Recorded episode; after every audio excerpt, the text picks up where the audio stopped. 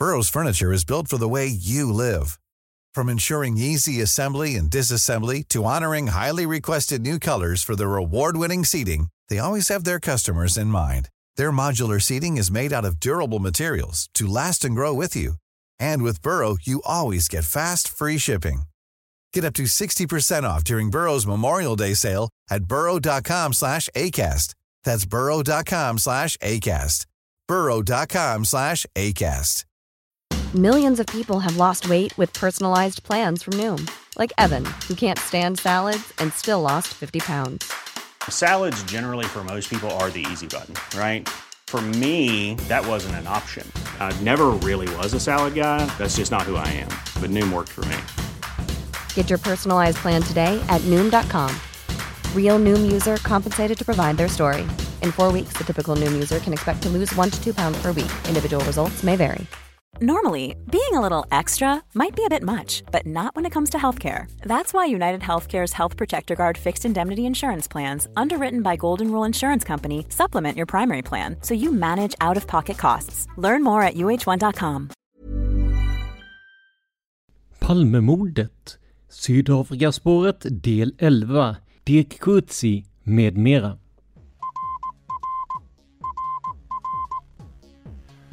Sveriges statsminister Olof Palme är död. 90 000. Ja, det är mord på Sveavägen. Hörde de säger att det är Palme som är skjuten. Mordvapnet med säkerhet är en Smith Wesson, en revolver kaliber .357. Inte ett svar. Finns inte ett svar. För jag har inget. Och jag har inte varit Varför skulle jag Polisen söker en man i 35 till 40-årsåldern med mörkt hår och lång mörk rock. Välkomna till podden Palmemordet som idag görs av mig, Tobias Henriksson på PRS Media. Som alltid är ni välkomna att stötta oss på patreon.com palmemordet om ni känner att det vi gör är bra. Det är också våra trogna patrons som blir inbjudna till Palmevandringen den 28 februari 2023 där Dan och jag guidar er i mördarens fotspår och där vi dessutom äter och dricker gott tillsammans. Mer information om detta kommer inom kort på just Patreon, så du som är sponsor, håll utkik där. Idag ska vi fortsätta med den sista delen av förhöret med Dirk Kurtzie men vi ska börja med att prata lite om den feedback som många av er givit på just Sydafrikaspåret. För jag kan inte ett ord afrikans, så många av de namn som kommit upp har säkert uttalats felaktigt. En del av de här namnen är ju dagens huvudperson, det vill säga Dirk Kutsi. Nu har två lyssnare skickat information om det faktiska uttalet och tydligen ska den första stavelsen uttalas ungefär som i engelskans book, medan den sista stavelsen ska uttalas som sista stavelsen i ID. Alltså bör det bli kutsia eller liknande. Om jag råkar säga fel i kommande avsnitt så hoppas jag att ni har överseende med detta. En annan lyssnare har kommenterat mitt uttal av Beira Mosambik som inte är helt rätt. I ska uttalas som ett J, så istället för Beira, som jag sa, så ska det alltså vara Beira. I ett förhörsavsnitt pratar jag också om en svensk koloni, där översättningen kunde betyda både landsflykting och ungefär invandrare. Samma lyssnare skriver att den svensk koloni som fanns i Beira 86 till 88 var biståndsarbetare, främst på uppdrag från ARO, Afrikagrupperna, som då hade sitt högkvarter på Barnhusgatan i Stockholm. Med anledning av inbördeskriget i Mosambik var det främst sjukvårdspersonal och lärare från Sverige som åkte ner. Många hade, enligt inskrivaren, en socialistisk världsåskådning till skillnad mot de svenska med SIDA-kontrakt som främst befann sig i Maputo. Den person som bara benämns Jensen i förhören är troligen Klaus eller Jens Jensen, som båda var på uppdrag i Beira under den aktuella tiden, hälsar samma lyssnare.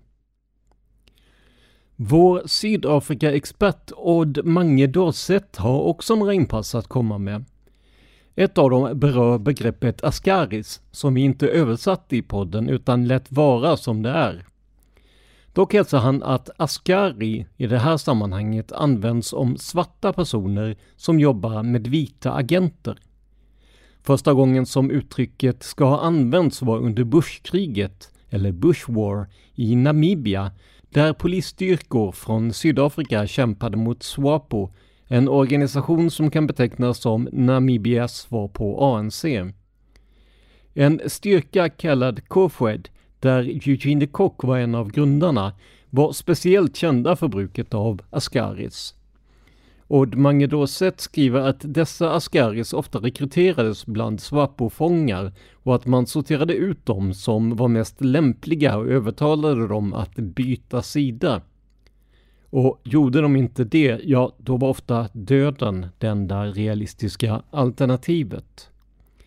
Många av dem som rekryterades till KFOED kom senare att jobba för Flakplas. Dan och jag var också osäkra på en passage där Dick Kutsi returnerade vad som kom att visa sig vara en brevbomb. Vi skrattade också en del åt det absurda i att man returnerade ett sådant paket, men det får vi be om ursäkt för nu när vi vet vad som egentligen hände. Odd Mangedoset berättar att paketet skickades från Flakplas och att en Beki Mlangeni stod som avsändare. Detta eftersom Kutsi litade på personen. Men detta var som sagt ett misstag. För paketet returnerades mycket riktigt och Beheki Mlangeni avled till följd av skadorna som bomben åsamkade. På webbplatsen South African History Online kan man läsa bland annat följande citat. Beheki Mlangeni var en jurist som arbetade för African National Congress, ANC, under 1990-talet. Han och tidigare poliskaptenen Dirk Kutsi hade jobbat tillsammans för att avslöja att det fanns en hemlig polisenhet vid Flackplats. Den här avdelningen verkställde lönnmord på anti-apartheid-aktivister. Kutsi var högste chef för den här enheten innan han lämnade polisen. 1989 avslöjade Kutsi att den enhet han tidigare lett existerade. Han fruktade för sitt liv och flydde till Zambia. När ett paket som maskerats att se ut som att det kom från Mlangeni inte nådde Kutsi i Zambia skickades det tillbaka till avsändaren, det vill säga Mlangenis kontor. När Mlangeni öppnade paketet hittade han en bandspelare och tog med sig den hem. I samma ögonblick han tryckte på play efter att ha tagit på sig sina hörlurar så exploderade den högra hörluren. Han dog omgående och efterlämnade sin fru och ett litet barn. Han blev bara 35 år gammal. Slut citat. Det här citatet stämmer bra med vad både vår expert Odd Mangedorset och Dirk Kutsi själva säger, förutom att i deras versioner är Kutsi själv som fattar misstankar och skickat paketet i retur, medan det i citatet aldrig nådde Kutsi. Det här skulle jag såklart ha vetat om när vi spelade in avsnittet. Men bättre sent än aldrig. Det här attentatet är trots allt välkänt och togs upp bland annat i sannings och försoningskommissionen. Dorset skriver också citat Kom ihåg en sak om Flackplats. Det var först och främst en aktionsgrupp som verkade i hela Sydafrika men de var också inblandade i utländska operationer som bomben mot ANC i London. Drevbomben som dödade Ruth First skapades här på deras avancerade tekniska avdelning. Förutom brev och bilbomber jobbade de mycket med modifieringar till vapen för att dölja bevis eller för att det skulle se ut som att ANC låg bakom det. Många vapen som hade försvunnit i Namibia enligt uppgifter befann sig egentligen på flaggplats. Ofta med olika former av modifieringar och med bortfilade serienummer. Slutcitat. I och med att vi ändå pratar om just flaggplats så tänkte jag att vi kan ta en liten sammanfattning av platsen och vilka som verkade där. Trots allt nämns ju platsen väldigt ofta när vi pratar om Sydafrikaspåret och det kan ibland vara svårt att få grepp om vad platsen innebar och stod för. Även den här texten kommer från South African History Online som sammanfattar mycket från Sydafrikas mer ljusskygga historia väldigt väl. Citat. Flaggplats är namnet på en hemlig motståndsavdelning av apartheidpolisen som var verksam på 1980-talet. Flaggplats kallas också C, C1 eller C10. Sydafrikanska polisens säkerhetssektion hade stor kontroll över vad som utspelade sig på Flaggplats. Trots sannings och försoningskommissionens ansträngningar försvann ett antal offer och deras fall är olösta än idag. Dödspatruller gjorde uppdrag både inom och utanför landets gränser mellan 1969 och 1994. Flaggplats var en av de här dödspatrullerna och de opererade mest inom landets gränser. Överste Eugene de Kock var den mest namnkunniga befälhavaren för Flaggplats och han befanns senare skyldig för sina brott. Sydafrikas säkerhetstjänst grundade Flaggplats som ett svar på det väpnade motståndet från anti-apartheid-rörelsen. Bakgrund till Flaggplats Flaggplats är en ensligt belägen 100 tunnland stor gård belägen i Skorvebergbergen nära Erasmia, ett samhälle i Pretoria nära flodbankerna till Henops River. Det hölls dolt för allmänheten, men regeringstjänstemän och generaler av hög rang hade tillträde. Det var för att kunna utföra operationer mot dem som ansågs som motståndare till apartheidregeringen som den sydafrikanska polisen köpte Flaggplats 1979 och det användes som ett hemligt gömställe för en mängd vita polischefer och askaris. Idén till Flaggplats kom från brigadchef Johan Viktor Viktor insåg att soldaterna kunde tas till fånga och vändas mot deras tidigare medkämpar, vilket hade hänt i Rhodesia. Titeln Askari användes för de mestadels svarta poliser som hade deltagit i någon av frihetsrörelserna som African National Congress, ANC, Asanian People's Organization, Pan African Congress, men även andra. Från kamrat till Askari och här vill jag varna för obehagliga detaljer. Men vi väljer att ta med dem ändå för att ni ska kunna förstå grymheten som utspelade sig på bland annat Flackplats. Kamrater togs till Flackplats efter att de arresterats av Flackplats anställda. Där torterades de och förvandlades till askaris som skulle skickas tillbaka till ställen som Soweto för att begå mord och andra brott mot sitt eget folk. Askaris var användbara för flaggplats eftersom det var lättare för dem att fånga sina offer eftersom de inte skulle misstänkas. Även Askaris anställdes av polisen direkt. De fick en lön från staten och befordrades baserat på hur väl de jobbar för flaggplats. Peter Moleke gjordes till Askari efter att ha blivit torterad. De tog av honom kläderna och satte på honom handfängsel och medan han var naken utsattes han för elektriska chocker mot sina genitalier. De höll också tag om hans lem med en tång. Om en person inte kunde omvandlas till askari skulle kamraten mördas. Inte nog med det, ofta styckade man också offret efter dennes död. Mord Tihomedi Mfalapizza, som också var en askari, erkände i förhör att så kallade entrapment killings, på svenska ungefär fångstmord eller mord under fångenskap, användes som en strategi på Flaggplats.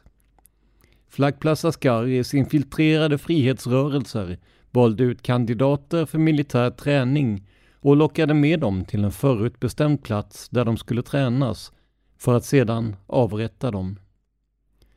Sandisile Musi och hans tre vänner sträckte ut en hand till Mfala Pizza med ett eh, rop om hjälp för dem att lämna Sydafrika och gå med i ANC i exil. Mfala Pizza utgav sig för att vara en del av motståndsrörelsen, vilket han tidigare varit, Och på ett förutbestämt datum ledde han Mosi och dennes vänner till ett uthus vid en nedlagd gruva utanför Krogenstorp där man sedan tidigare rapporterat sprängämnen. När Mfale Pizza lämnade byggnaden exploderade bomberna och dödade tre personer. Mosi själv blev allvarligt skadad. Griffith Msenge, som var en framstående jurist från Durban, höggs 1981 till döds av flaggplatsanställda. Ett antal askaris var inblandade i mordet på Msenge. Mxenge var juridiskt ombud för politiska fångar. Offer som Mxenge såg som ett hot mot staten och staten var inte beredd att omvandla dem till askaris eftersom de fruktade att de genom att hålla dem fångna kunde motivera motståndare i områdena. Victoria Mxenge, fru till Griffith Mxenge, var även hon en jurist som försvarade medlemmar från United Democratic Front, UDF. Även hon dödades av anställda på flaggplats 1985. De togs alltså bort från samhället på permanent basis för att verka som en varning för de som ville ta över efter dem. Det var i sannings och försoningskommissionen som operatörer från Flackplats erkände de grymheter de hade begått. Det var då som folk insåg vad som hade hänt med deras kamrater som försvunnit. Fortfarande diskuteras om det trots ansträngningarna från sannings och försoningskommissionen finns fall som inte har kommit upp till ytan utan som förblivit olösta. Flackblas hölls dolt för allmänheten i många år eftersom det var ett hemligt gömställe för apartheidpolisen. Så nu vet vi mer om både Flackplas och Dick Kutsi. Då kan vi återgå till förhöret som jag och Dan gestaltar med nämnda person. Och som vanligt är det Dan som gestaltar våra svenska förhörsledare Hans Ölvebro och Jan Danielsson, medan jag agerar som Kutsi. Observera att själva förhöret är inspelat innan vi fick tipsen som jag nämnt hittills, så det kan hända att vi säger fel här. Men inte framöver, det lovar Hey, I'm Ryan Reynolds. Recently, I asked Mint Mobile's legal team if big wireless companies are allowed to raise prices due to inflation. They said yes. And then when I asked if raising prices technically violates those onerous two-year contracts, they said, what the f*** are you talking about, you insane Hollywood ass?" So to recap, we're cutting the price of Mint Unlimited from $30 a month to just $15 a month. Give it a try at mintmobile.com slash switch. $45 up front for three months plus taxes and fees. Promo for new customers for limited time. Unlimited more than 40 gigabytes per month. Slows. Full terms at mintmobile.com.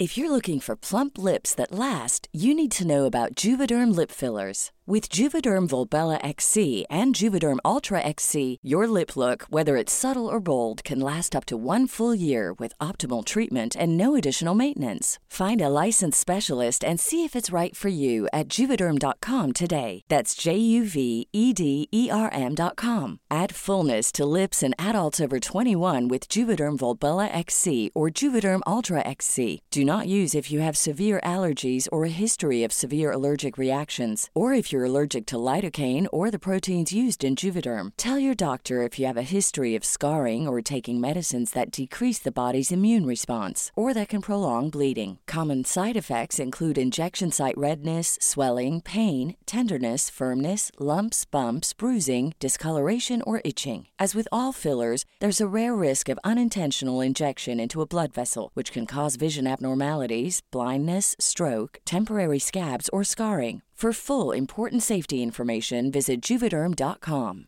Burrow's furniture is built for the way you live.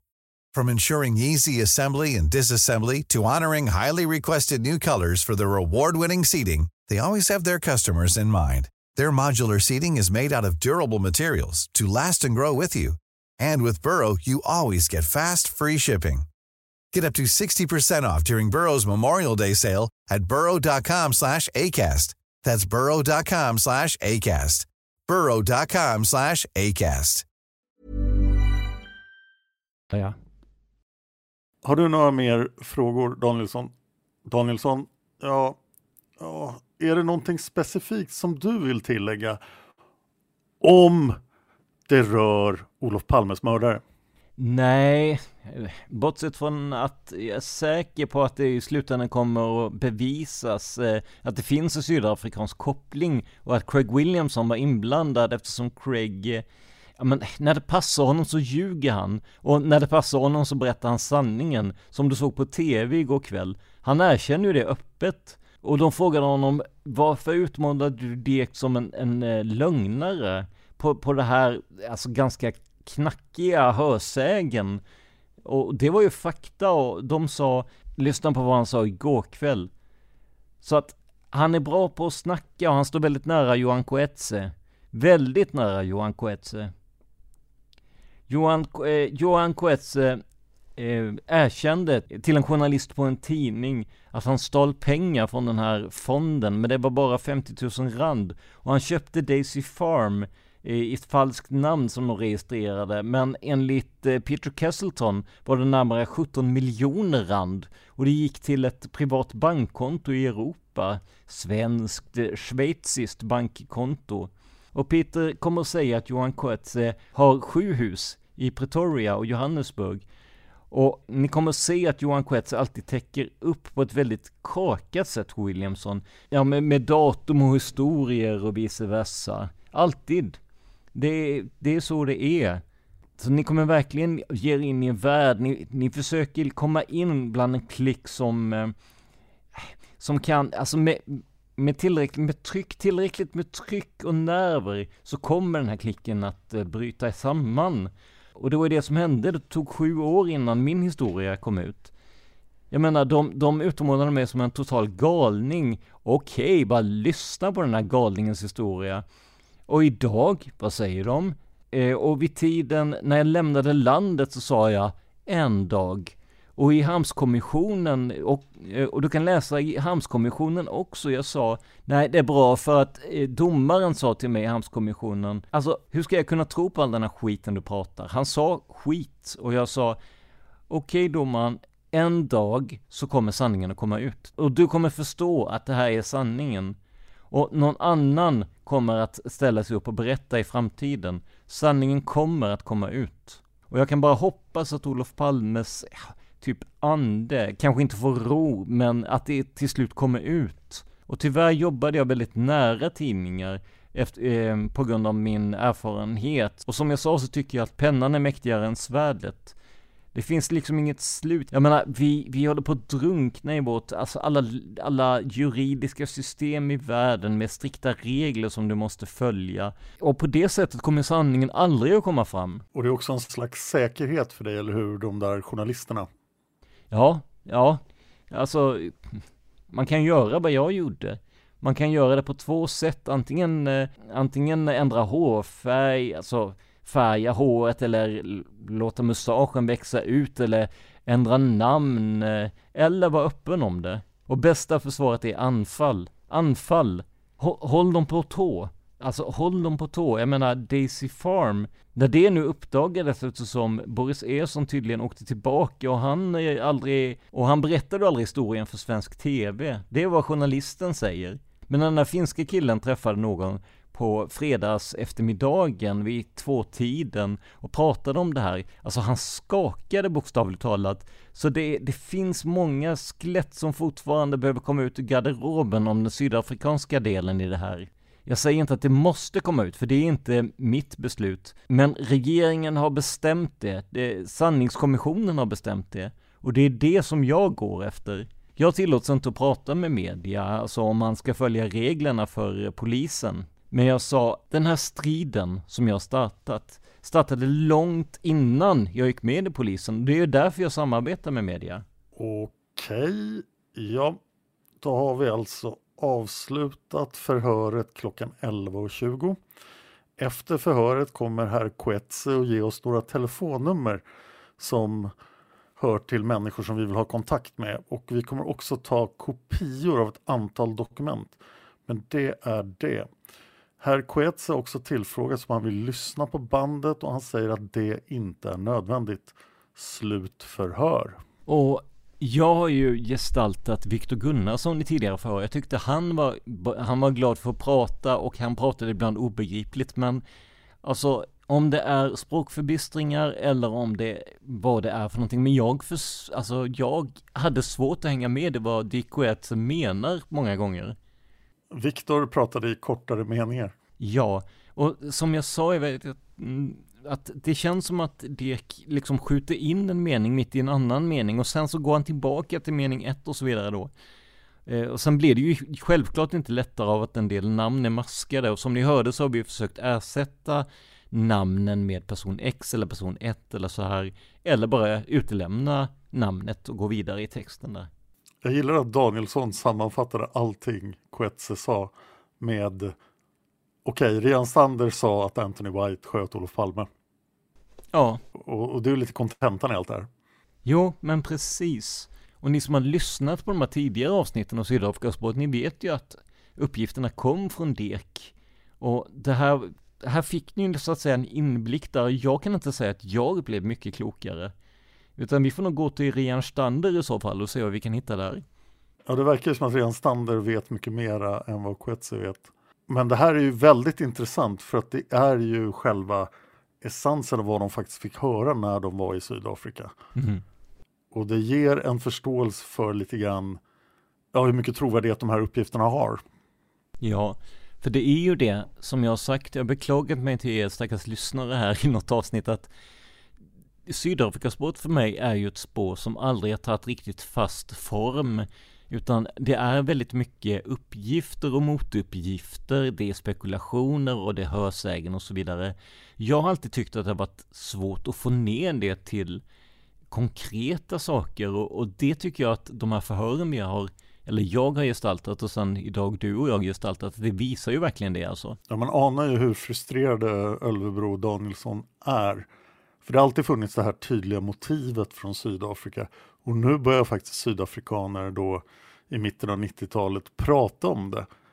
Och det väcker intresse, det förstår man ju, men det måste vara oerhört frustrerande att prata med de här underrättelsemänniskorna som säger lite vad som helst. Och, men du Dan, du har ju uh, varit ännu längre än jag uh, inblandad i, i podden Palmemordet och varit intresserad av Palmemordet. För att det jag får höra från lyssnare som hör av sig eller skriver i, i Palmerummet och så vidare då, det är just det här, varför ställer inte förhörsledarna fler frågor? Vad säger du om det? I det här fallet tror jag definitivt det var så att de ville låta honom prata och bara hoppades att han skulle säga massa intressanta saker. Men jag tycker att följdfrågor kunde ha varit på sin plats här. Ja, men jag tänker att när man har fått hela historien så finns det ju nu var det ju kanske, ja nu var det mest namn de ville ha reda på då ju, men det finns ju väldigt många lösa trådar tycker jag, om inte annat så lösa trådar för att det är svårt att riktigt hänga med i hans kronologi och eh, ja, han hoppar fram och tillbaka mellan Sydafrika och London och allt vad det är för någonting. Jag undrar också lite grann varför ingen eh, är inblandad från sydafrikansk sida här tillsammans med Ölvebro och Danielsson. Mm.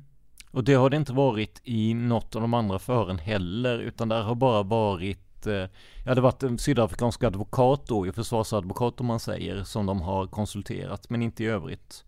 För det ställer ju oerhört stora krav på Ölvebro och Danielsson att förstå hela den här situationen i Sydafrika. Mm.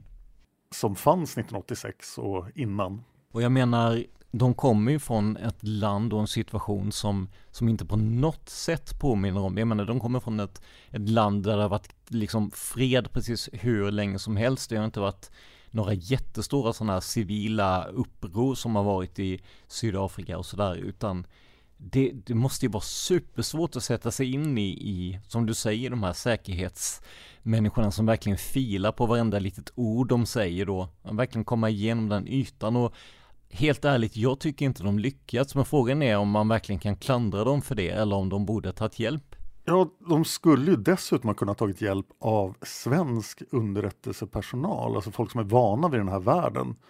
För så vitt jag vet har varken Ölvebro eller Danielsson någon erfarenhet alls av underrättelsetjänst. Och jag pratade faktiskt med en, en person som hade jobbat i underrättelsetjänsten här i Sverige. Och eh, han var väldigt intresserad av podden och lyssnade på den och han tyckte att det är ju självklart att det är Sydafrika. Men han kunde inte motivera det mer än så. Men han, han var väldigt övertygad att så här, det vet alla inom underrättelsetjänsten. Ja, jag väntade på en fortsättning där, men okej, okay, han var övertygad. Men ja, Mm. Men jag känner ju att Sydafrika är det spåret som har ett av de bättre motiven i alla fall. Eh, men sen är det ju att få ner det på Sveavägen. Ja, och alla, eller väldigt många har motiv att mörda Olof Palme. Så är det. Men här är det ju om man, om man tror på en stor konspiration, om man tror på fler inblandade och, och hela den här biten så ligger Sydafrika bra till eller en nationell eh, konspiration, alltså inom kanske polis och underrättelsetjänst och sånt där då ju. Ja, lite som Borgnäs brukar säga. Ja, men precis. Och jag kan ju förstå att, att jag kan förstå att Sydafrikaspåret väcker väldigt stort intresse för att det är verkligen så här polariserat. Det är så lätt att hitta en eh, ja, men motiv och många börjar ju i motivbiten tänker jag eh, och försöker sedan få ner det på Sveavägen istället för att göra tvärtom. Vi får helt enkelt fortsätta gräva i Sydafrikaspåret och se om vi hittar något mer. Det får vi göra. Jag kan säga det att vi tittade på, nu var, var det Roy Allen som var tänkt att du och jag skulle göra från början dagen, men där var ju nästan allt maskat. De hade ju lika väl kunnat låta bli att skicka ut de här papperna. För att Spännande. det var, ja, eh, så att eh, han, han vill vi titta på. Vi får hoppas att det kommer ut fler versioner av det med mindre censur. Precis. Och som ni kanske la märke till här i, i de här avsnitten så, eh, så var det ju så att man hade maskat namn på ett ställe och sen hade man glömt att maska det på nästa ställe. Så vi fick ju reda på åtminstone två olika namn som, som tidigare i dokumentet hade varit maskat. Så det är ju inte helt konsekvent på något sätt. Nej, jag undrar också vem som har maskat det här. Det, det måste ju finnas ett intresse också att maskera saker som kan eh, handla om sydafrikansk underrättelsetjänst. Ja men namnet på den här Channel 4-reporten kan ju inte vara så viktigt att man måste maska det, men det var ju ändå maskat här och sen hade man glömt att maska det tre rader senare liksom. Jag får en känsla att den som maskade det här inte heller hade någon erfarenhet av underrättelsetjänst. Nej, det, det var väldigt snällt sagt tycker jag. Men du Dan, jag tänker innan vi slutar det här eh, långa, långa förhöret då som framför allt blir långt för att jag fick simultan översätta en del i huvudet här. Men eh, det kommer ju bli uppdelat på, på två avsnitt och de som kanske inte riktigt minns vad vi pratade om i, i första avsnittet. Jag tänker, kan vi ta lite kring eh, Palmevandringen igen som du och jag kommer hålla den 28 februari? Just det. Det kommer, det kan redan ha kommit när ni hör det här, fullständiga detaljer på Patreon till alla som varit Patreon sedan eh, oktober 2021 i första hand eftersom vi måste dra ner storleken på Palmevandringen lite på grund av det totala kaoset 2019 och 2020. Ja, precis. Det, vi, vi trodde nästan att vi var ansvariga för att folk stod för nära varandra och fick covid till slut. Men det, det var i alla fall, vi höll på att blockera trafiken på Sveavägen där trots att vi var två grupper. Ja, plus att vi ju var på eh, Nils Patriks hårdrockskonsert med 300 personer packade som sillar. ja, där fick ju Det blir ingen hårdrockkonsert 2023. Nej, nej, jag fick stanna kvar och, och ha barhäng med resten av gänget där. Om inte Nils Patrik vill uppträda förstås. Nils Patrik, vi vet att du lyssnar. Det är bara att höra av dig. Eh, det här blir ju jättespännande. Ja, nej men så är det. Och eh, som jag sa, du Dan kommer hålla en vandring, jag kommer hålla en för att vi ska få lite mindre grupper så att det blir lättare att höra och se. Och för att inte Stockholms stad ska bli arga på oss också. Eller vilka det nu är som har hand om det. Here's a cool fact a crocodile can't stick out its tongue. Another cool fact you can get short term health insurance for a month or just under a year in some states. United Healthcare short term insurance plans are designed for people who are between jobs, coming off their parents' plan, or turning a side hustle into a full time gig. Underwritten by Golden Rule Insurance Company, they offer flexible, budget friendly coverage with access to a nationwide network of doctors and hospitals. Get more cool facts about United Healthcare short term plans at uh1.com. A lot can happen in the next three years. Like a chatbot may be your new best friend. But what won't change? Needing health insurance. United Healthcare Tri Term Medical Plans are available for these changing times. Underwritten by Golden Rule Insurance Company, they offer budget friendly, flexible coverage for people who are in between jobs or missed open enrollment. The plans last nearly three years in some states, with access to a nationwide network of doctors and hospitals. So, for whatever tomorrow brings, United Healthcare Tri Term Medical Plans may be for you. Learn more at uh1.com. Hey, it's Paige DeSorbo from Giggly Squad. High quality fashion without the price tag. Say hello to Quince. I'm snagging high-end essentials like cozy cashmere sweaters, sleek leather jackets, fine jewelry, and so much more. With Quince being 50 to 80% less than similar brands. And they partner with factories that prioritize safe, ethical, and responsible manufacturing. I love that. Luxury quality within reach. Go to quince.com slash style to get free shipping and 365 day returns on your next order.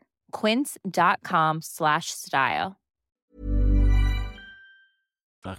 Sen tänker jag också två saker innan vi slutar.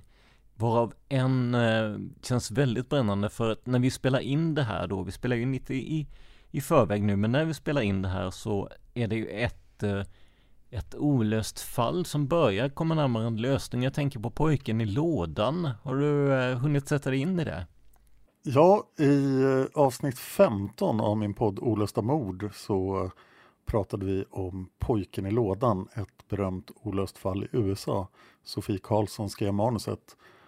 Och eh, efter väldigt många år så har man till slut använt då släktforsknings-DNA för att ta reda på vem pojken faktiskt var. Eh, och det här är otroligt spännande.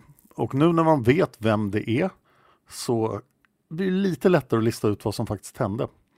Och det våld som han utsattes för är definitivt inte preskriberat. Så om det utfördes av någon som var ung vuxen vid tillfället så kan den personen fortfarande vara i livet. Men det har kommit ett uppdateringsavsnitt på olösta mord vid det här laget. Jag vill också nämna att jag i tidigare avsnitt sa att det kunde bli flera palmvandringar 2023. Det blev det inte. Och det var främst på grund av eh, inflationen och den begynnande lågkonjunkturen. Så jag bestämde i samråd med eventbolaget som skulle arrangera de mindre vandringarna att vi skjuter upp det till 2024. Och, och kommer det att gå bra då så kanske det blir en sak som kan hända på eh, andra tider på året. Precis. Vi, vi håller er uppdaterade med vad som händer där så fort vi vet mer också givetvis. Men sen tänker jag eh, allra sista nu, jag läste att man faktiskt har fått en liten, eh, ja, en ny ledtråd i fallet med mordet på John F Kennedy. Har du läst om det också? Va? Nej. Ja. Ja, det är sant. Jag läste det på, um, var det ABC News som Eh, Eh, där det, som jag läste det på, det var någon, någon privatspanare som jag förstod det, som hade då lyckats hitta en koppling eh, mellan, åh oh, herregud, nu ska jag, det här, nu, det här är ju inte förberett, det var bara så här kallt prat. Nej, men det var en, som jag förstod en privatspanare som hade hittat en koppling mellan Lee Harvey Oswald och eh, att han skulle ha blivit värvad. Du, jag måste kolla det här nu. Och eh, det här, bara för några dagar sedan så, så kom det då nyheter om att eh, eh experter till och med, de var inte alls privatspanare utan de säger att CIA har bevis på att Lee Harvey Oswald var inblandad i en hemlig operation 1963 då. Och eh, då skulle den här hemliga operationen enligt vissa vara just att mörda John F Kennedy. Ja, vi ska inte göra JFK-podden. Nej, vi ska nog inte göra det. Eh, jag kan också berätta att arbetet med eh, boken Palmemordet eh, fortgår och det är jag som skriver tillsammans med Juan Esposito. Och han är väldigt pigg och skriver väldigt mycket. Och det kan till och med bli så att det blir fler än en bok. Men vi siktar fortfarande på att publicera till 40-årsdagen. Så 28 februari 2026 så kommer boken ut. Och där eh, har ju till och med jag blivit lite involverad här för att av oss två så är det ju, du har jättebra koll, jag på säga, du har djävulskoll på det, detaljer och sånt där och det har ju Juan också givetvis. Ja, Juan mycket mer. Ja, det, det ja. Eh, men, men eh, ibland behöver man ju också en, en, en utomstående person som går igenom och, och kollar texter och sådär och då hörde du av dig till mig och sa att eh, kanske finns möjlighet att provläsa och eh, korrekturläsa också lite.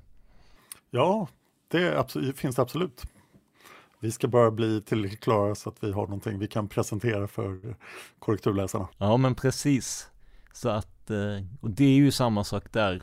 Det, det här är ju ett projekt som ligger fortfarande ett tag framåt i tiden, men eh, det är på gång och vi håller er ju uppdaterade när det börjar närma sig. För att vi räknar ju med att vi 2026 fortfarande håller på att sända för fullt. Ja, det tänker vi absolut göra.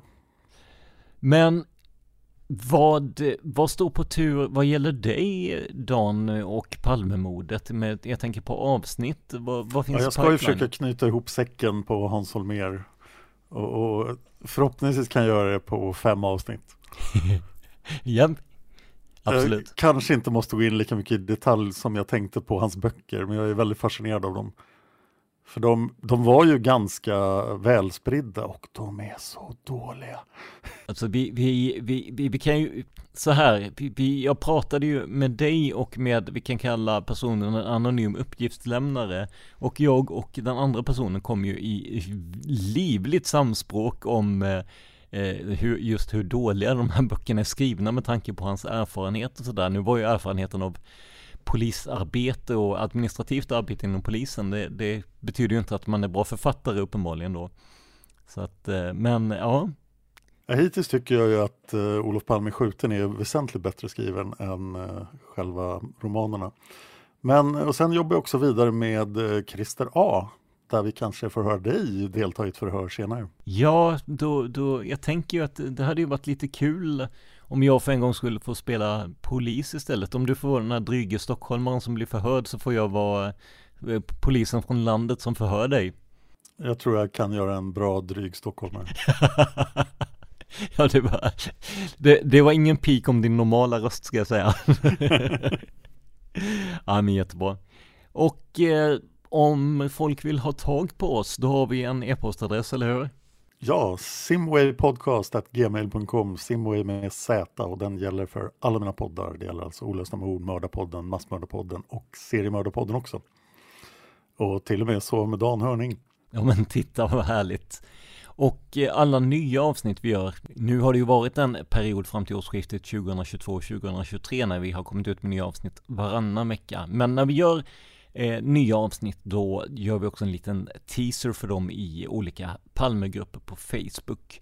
Där kan man kommentera avsnitten, man kan inte räkna med att man får svar eller att vi går in och läser jättenoga där, för det har vi inte riktigt alltid tid med. Eh, utan det bästa är simwaypodcast.gmail.com för att komma i kontakt med oss. Man kan också följa mig på Instagram. Precis, det kan man göra. Och där heter du? Dan Hörning, så är det lätt att hitta. Det är bara att söka på Dan Hörning. Och där postar jag infrekvent om alla mina poddar. Och kanske någonting privat också någon gång. Oj! Det är ju nästan som man får börja följa det bara för det ju. Ja, nu eh, är det kanske på gång en ny podd också. Oj! nu blir jag nyfiken. Ja, jag har fått ett erbjudande jag inte kunde motstå så att det kan dyka upp en podd som faktiskt också kommer att ha ett eget Instagram, vilket jag försöker undvika att poddarna ska. Det är bara Mördarpodden eh, som har det egentligen. Ja, precis. Och det är ju för att Josefin är ju, Josefin som du poddar tillsammans med i Mördarpodden har ju lite koll på Instagram, förhoppningsvis i alla fall. Precis. Eh, men den här nya podden kommer att bli en svensk historiepodd. Och jag gör redan en historiepodd på engelska som heter Fan of History. Men den kommer inte att påminna om Fan of History alls. Utan den kommer att vara enskilda ämnen från olika delar av historien. Så det kommer inte vara en lång kronologisk berättelse som Fan of History utan enstaka ämnen. Kanske gör vi ett avsnitt om Palmemordet. Det har jag funderat på att göra i Mördarpodden också, men vi har inte gjort det än. Men vad, eh, vad spännande. Alltså jag måste säga att min bästa historieberättelse, det var ju när jag startade igång Tänk om och eh, då var jag, eh, alltså enligt Acast då som, som distribuerar podden, så var jag eh, up and coming och bredvid mig då så var det en podd med Dick Harrison, historieprofessor. Så att eh, det, det, är väl det närmaste jag kommit att göra en podd om historia måste jag säga, förutom eh, Storsjöodjuret möjligen. Ja, Storsjöodjuret ja, rekommenderas. Tänk mm. om tre avsnitt om Storsjöodjuret där jag ja berättar eh, nya rön från 1890-talet om storsjödjuret. Fantastiskt, fantastiskt. Så jag finns ju också på Instagram kan jag säga, jag heter PRS Media, PRS Media. Eh, där är väldigt infrekvent när jag postar, men eh, jag försöker ju kika av ibland där också. Men du, nu har det nästan blivit lika mycket eftersnack som det blivit avsnitt. Ja, det är inte så bra. Följ mig på Twitter också, där finns jag med. Ja, jag provade Mastodon när alla försökte lämna Twitter på grund av Elon Musk, men eh, det tog aldrig någon fart riktigt. Men jag finns på Mastodon också. Jag tänker så här, om vi ska nämna alla poddar du gör, så blir det ju ytterligare 30 minuter. Så att vi tar inte det, men, men Dan gör massa andra spännande poddar och de uppdaterar de på Instagram bland annat ju. Ja, det händer. Perfekt. Men då så, Dan, tusen tack för att, eh, att du ville vara med och gestalta de här, eh, ja, de svenska poliserna och åklagarna här. Tack själv för att du gräver i det sydafrikanska träsket. Ja, det kan jag säga. Det, det, det har varit med, med lika delar intresse och frustration med tanke på att det är så svårt att komma ner på Sveavägen, men absolut. Eh, och det var kul att podda med dig igen. Det var länge sedan vi gjorde Palmemordet tillsammans, du och jag. Ja, det här får vi göra om. Det får vi göra om. Definitivt. Men då så. Stort tack för att ni lyssnar på Palmemordet och stort tack Dan för att du var med i dagens avsnitt. Tack själv. Hej då. Hej då. Man hittar Palmes mördare om man följer PKK-spåret till botten. För att ända sedan Julius Caesars tid har det aldrig hört talas om ett mord på en framstående politiker som inte haft politiska skäl. Polisens och åklagarens teori var att han ensam hade skjutit Olof Palme. Och det ledde också till rättegång. Men han frikändes i hovrätten. Nu ska vi ut på rövarstråt. Ja, vi ska ut och röva.